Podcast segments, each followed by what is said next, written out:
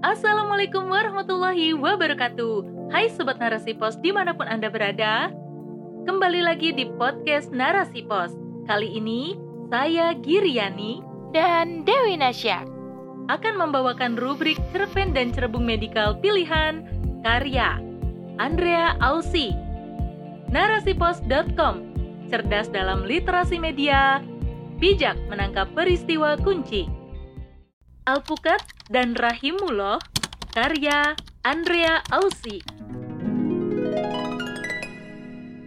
Loh, katanya mau diet. Kok makan alpukat sih? Bukankah alpukat itu sangat tinggi komposisi lemak dan kalorinya? Nggak bagus loh kalau kamu ingin langsing.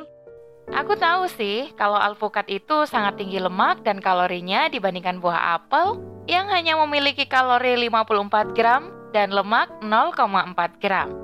Sementara alpukat memiliki kalori 84 gram dan lemak 5,4 gram dari 100 gram alpukat.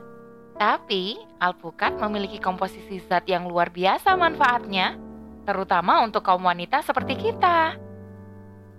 Maksudmu? Coba perhatikan alpukat yang terbelah dua. Kira-kira menurutmu, organ tubuh manusia apa yang terlintas dalam benakmu? Hmm, rahim. Yap, benar. Alpukat bentuknya seperti rahim wanita. Rahim itu salah satu dari sistem reproduksi wanita. Secara keseluruhan, sistem reproduksi wanita terdiri dari labia mayora, labia minora, kelenjar Bartolin, klitoris, vagina, uterus atau rahim, ovarium atau indung telur, dan tuba falopi.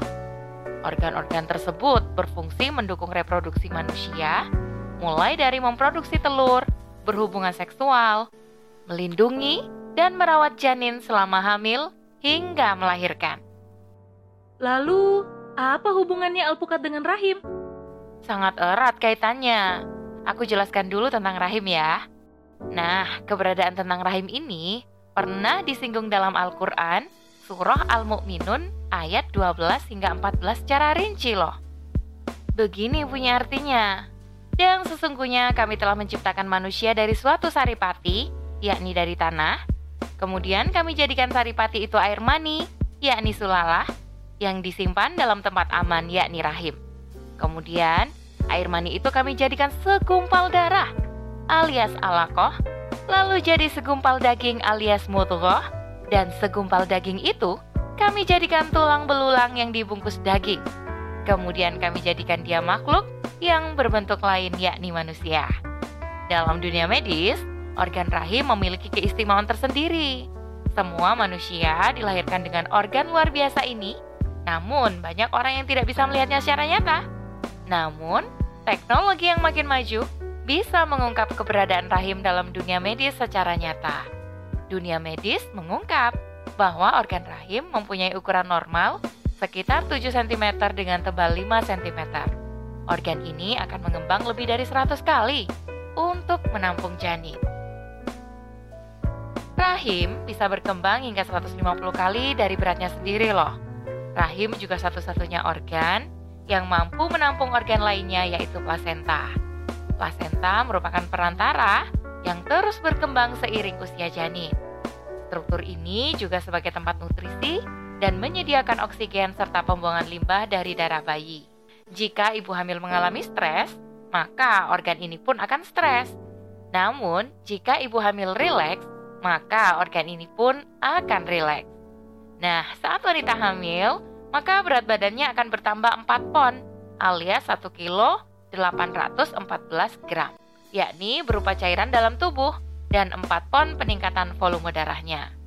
Berat janin itu sendiri bisa mencapai 7,5 pon, sementara plasenta sebagai pemberi makan bayi memiliki berat 1,5 pon.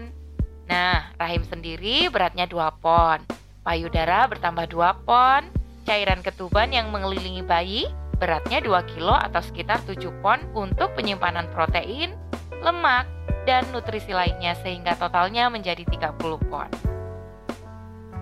Dengan kondisi rahim seperti itu, maka diperlukan zat-zat penunjang agar rahim tetap kuat dan kehamilan lancar. Salah satunya didapatkan dari alpukat.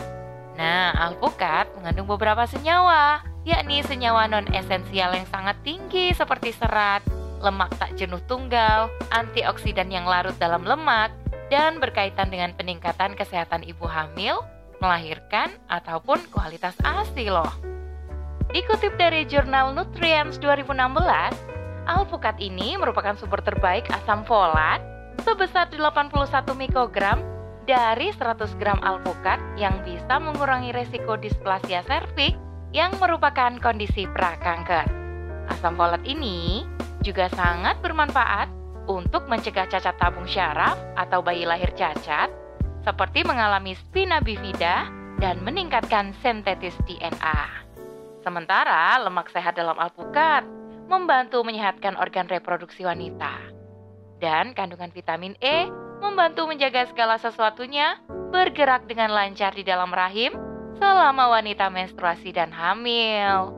Sementara zat kalium dari alpukat sendiri bisa menyeimbangkan kelebihan estrogen yang mungkin bertanggung jawab untuk masalah rahim seperti endometriosis. Dan vitamin B dari alpukat membantu tubuh memetabolisme energi efektif, meningkatkan sirkulasi darah, dan melawan infeksi yang sangat penting untuk memastikan berfungsinya semua jaringan dalam rahim. Wah, ternyata keren juga ya manfaat dari alpukat. Hmm, lalu bagaimana dengan biji alpukat? Apakah ada juga manfaatnya? Yap, menurut sebuah riset, di dalam biji alpukat mengandung fitonutrien. Fitonutrien ini bisa menghambat sel prakanker dan sel kanker, sekaligus mempercepat proses penghancuran sel tersebut. Banyak juga orang mengaku bahwa makan biji alpukat bisa membersihkan rahim karena dipercaya mengandung vitamin E, potasium, asam lemak, dan omega 3. Namun, pengakuan biji alpukat bisa membersihkan rahim, hal itu masih membutuhkan riset lebih jauh lagi sih. Kembali kepada rahim wanita, banyak di antara wanita yang sering kesakitan saat mengalami menstruasi Apakah ada kaitannya dengan rahim yang bermasalah atau indung telur? Oke, setiap bulan wanita kan mengalami menstruasi. Nah, pengertian menstruasi itu sendiri adalah proses keluarnya darah dari vagina mengikuti siklus bulanan yang terjadi pada wanita. Tentu, hal ini akan berkaitan dengan rahim. Tiap bulan, organ rahim akan merusak dan menyakiti diri sendiri dan membangun kembali diri sendiri melalui proses menghilangkan menstruasi dengan kontraksi. Sehingga nyeri haid adalah rasa rahim bukan ovarium atau indung telur. Masya Allah, luar biasa ilmu tentang alpukat dan hubungannya dengan rahim. Hmm, aku nggak pernah menyangka kalau alpukat sangat penting untuk rahim. Selama ini yang ku ketahui bahwa alpukat tidak bagus bagi mereka yang mau menurunkan berat badan karena kalori dan lemaknya yang sangat tinggi. Itulah kenapa aku tidak suka makan alpukat karena takut gemuk dan tak cantik. hmm, memang definisi cantik menurutmu gimana sih? Menurutku ya, wanita cantik itu harus bertubuh langsing, kulit mulus, wajah glowing, dan penampilan yang enak dipandang mata. Kamu tahu nggak kriteria cantik menurut Islam? Cantiknya seorang wanita itu bukan dari rupa atau jasmani, tapi dari akhlak dan akidahnya. Dari hatinya yang tertingkai syariat Islam. Wanita cantik menurut Islam adalah mereka yang menjaga kehormatannya seperti yang Allah taala firmankan dalam surah An-Nur ayat 31. Katakanlah kepada wanita yang beriman, hendaklah mereka menahan pandangannya dan kemaluannya dan janganlah mereka menampakkan perhiasannya kecuali yang biasa tampak daripadanya. Wanita cantik menurut Islam adalah yang sabar, cerdas, dan bijaksana dalam memecahkan persoalan hidupnya. Dia juga memiliki rasa malu dalam artian rendah hati dan tidak pamer. Jadi, wanita cantik dalam Islam bukan dilihat dari indahnya lekuk tubuh dan rupawan wajah.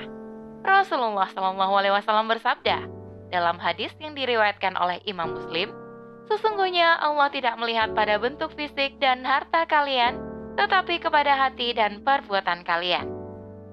Double B Sydney, 7 Juli 2022. Demikian rubrik medikal kali ini. Saya Dewi Nasyak dan Giriani pamit undur diri. Sampai bertemu di rubrik medikal selanjutnya. Di mana? Tentu saja di podcast Narasi Pos Media. Narasipos.com Cerdas dalam literasi media. Bijak menangkap peristiwa kunci.